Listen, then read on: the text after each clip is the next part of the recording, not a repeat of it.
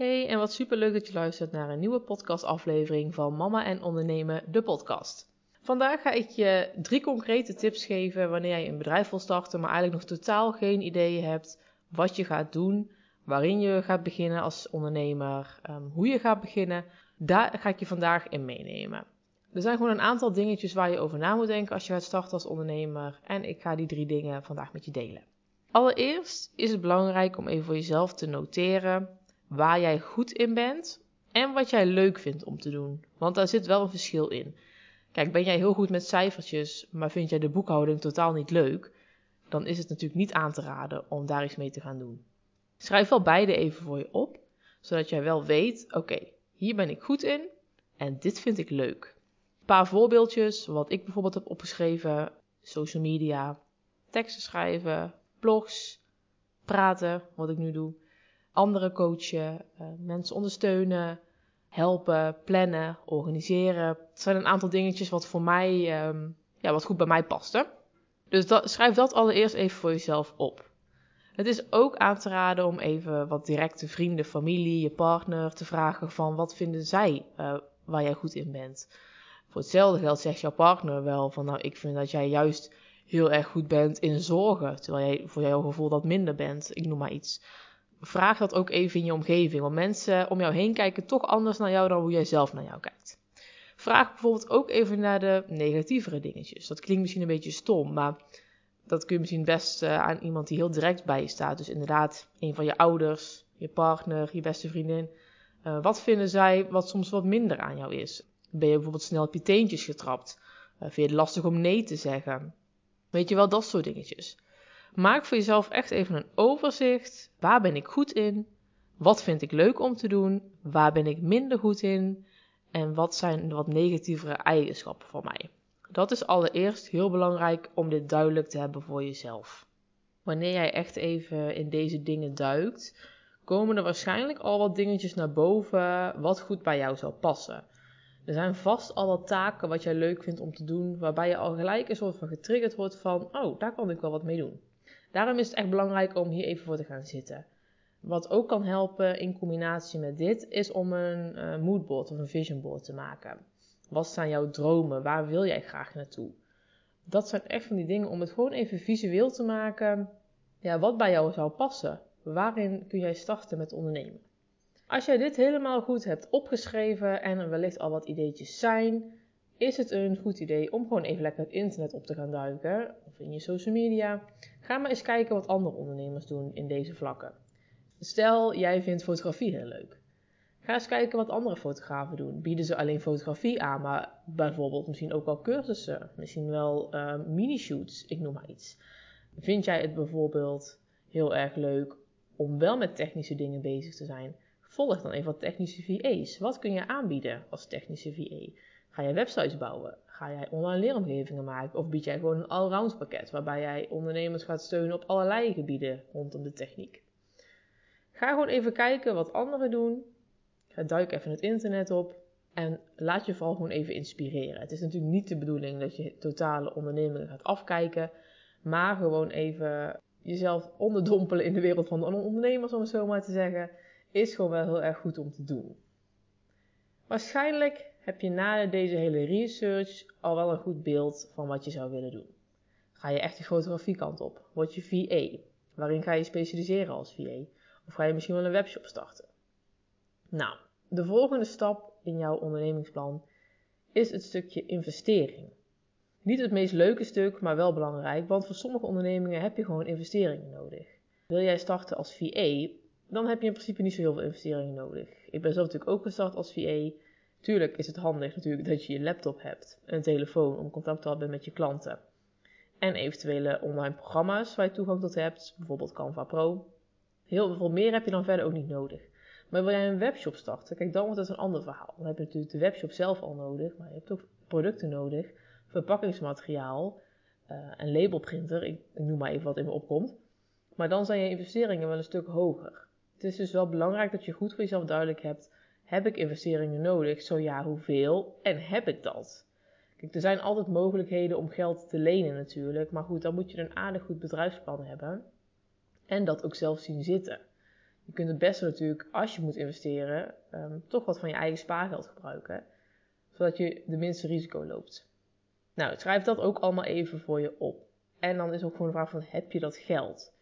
Kijk, het is natuurlijk wel heel handig als jij dingen moet aanschaffen dat je het ook hebt. Want het is natuurlijk niet dat je in de problemen wil komen.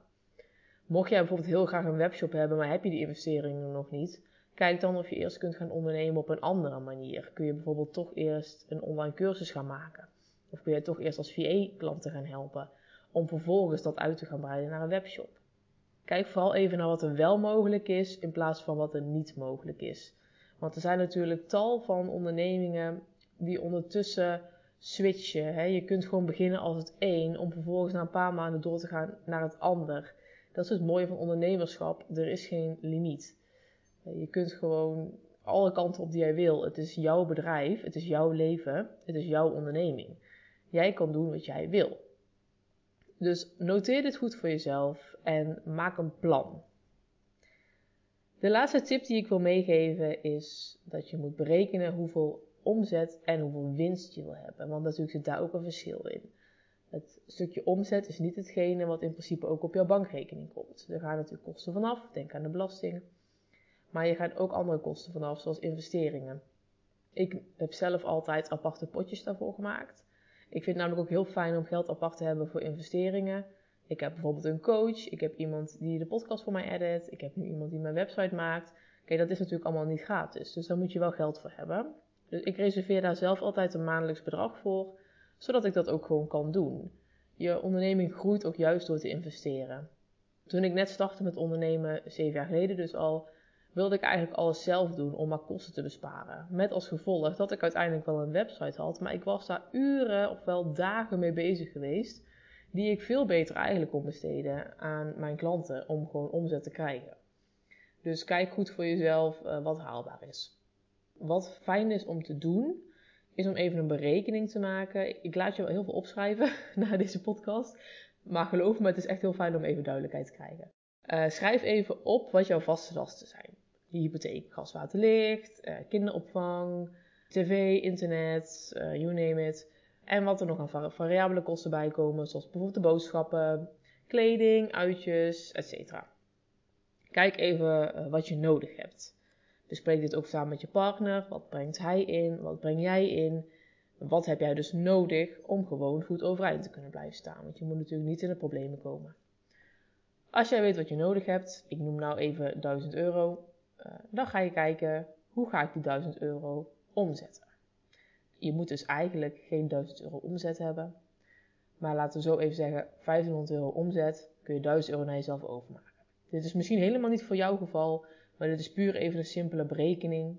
Ga dus uit van iets meer, zodat je geld apart kan zetten voor de belasting en voor je investeringen, maar dat je ook een gedeelte naar jezelf kan overmaken. Oké, we gaan even uit van die 1500 euro. Dan ga je kijken, wat moet ik dan verkopen? Wat voor diensten moet ik aanbieden? Om dat ook echt daadwerkelijk te kunnen gaan omzetten. Heb jij een dienst van 100 euro in de maand, ik noem maar iets, dan moet je dus 15 klanten hebben. Heb jij een dienst van 300 euro in de maand, dan ben je met 5 klanten al voorzien. Verkoop jij producten, zijn jouw producten 10 euro, dan moet je dat dus 150 keer verkopen. Dit is ook meteen een stukje van bepaal de juiste prijs. Vind jij iets meer waard, vraag dat er dan ook voor. Ik was zelf ook toen ik net begon, zat ik veel te laag in mijn uurtarief. En ik weet dat je dat ook doet omdat je natuurlijk je klanten wil hebben. Maar vraag gewoon wat je jezelf waard vindt. Vind jij het waard dat je voor jouw dienst 200 euro kan vragen? Dan moet je dat zeker doen. Kijk gewoon even, oké, eh, dit ga ik nodig hebben. Daar ga ik dit voor moeten verkopen. Dit is gewoon heel fijn om dit allemaal even op te schrijven. Wat ik net ook al zei. Eh, het waar ben je goed in? Wat vind je leuk? Wat vind je minder leuk? Heb je investeringen nodig? En hoeveel omzet moet je draaien? Wat moet je daarvoor verkopen? Om dat gewoon allemaal even op papier te zetten. Zo heb je voor jezelf eigenlijk een heel concreet ondernemersplan. Waarmee je al gelijk een stabiele basis hebt om dus je bedrijf te starten. Want je weet wat je kunt gaan doen, hoe je kunt gaan ondernemen, of je bepaalde kosten nog nodig hebt en wat jij moet verkopen of welke diensten jij moet aanbieden om de juiste omzet binnen te halen. Het is gewoon heel fijn om dit even op een concrete manier tot je te kunnen nemen. Kijk, als je eenmaal het plan hebt staan, dan moet je natuurlijk ook nog echt gaan starten. Maar daar ga ik je de komende tijd gewoon bij helpen. Ik ga heel veel tips met je delen. En je mag me ook altijd, wat ik in de vorige podcast ook zei, even een DM sturen op Insta. Want ik denk heel graag even met je mee. Mocht je nou bijvoorbeeld dus wel dit idee helemaal concreet hebben gemaakt, maar vind het alsnog heel lastig van wat je dan precies kunt gaan doen, stuur me gewoon even een berichtje en dan denk ik gewoon met alle liefde even met je mee met wat jij dan precies kunt gaan doen. Dus nog even concreet de drie tips om je bedrijfsidee duidelijk te krijgen. Eerste tip: schrijf voor jezelf op waar je goed in bent, wat je leuk vindt en wat je minder leuk vindt en eventuele negatieve eigenschappen waar je wat mee kunt doen. Tip 2: kijk of er investeringen nodig zijn voor je bedrijf te starten. Dus hou rekening met onder andere een laptop en dingetjes die je nodig hebt voor als je echt producten gaat verkopen. En stap 3: bereken welke omzet jij moet behalen om gewoon thuis een stabiele situatie te kunnen behouden. Kijk, je kunt natuurlijk wel zeggen: ik schrap even de extraatjes zoals etentjes, dagjes weg, etc. Maar bekijk wel even wat jij minimaal moet hebben, zodat je wel gewoon vaste lasten kan betalen. Want dat is gewoon natuurlijk, ja, je wil gewoon niet in de problemen komen. Dat is ook echt niet, uh, niet de insteek natuurlijk wanneer je gaat ondernemen. Dus schrijf dat allemaal even voor je op. En dan denk ik dat er bij jou al heel veel gaat borrelen. Wat je kunt gaan doen en hoe je het gaat doen. Mocht je daar alsnog hulp bij nodig hebben, uh, zoals ik net ook al zei, stuur me even een berichtje of een mailtje. Het staat allemaal in de show notes hieronder. En dan zie ik jou heel graag weer bij een volgende podcast. Ik hoop dat je dan weer luistert. En ik wens je een hele fijne dag. Doeg!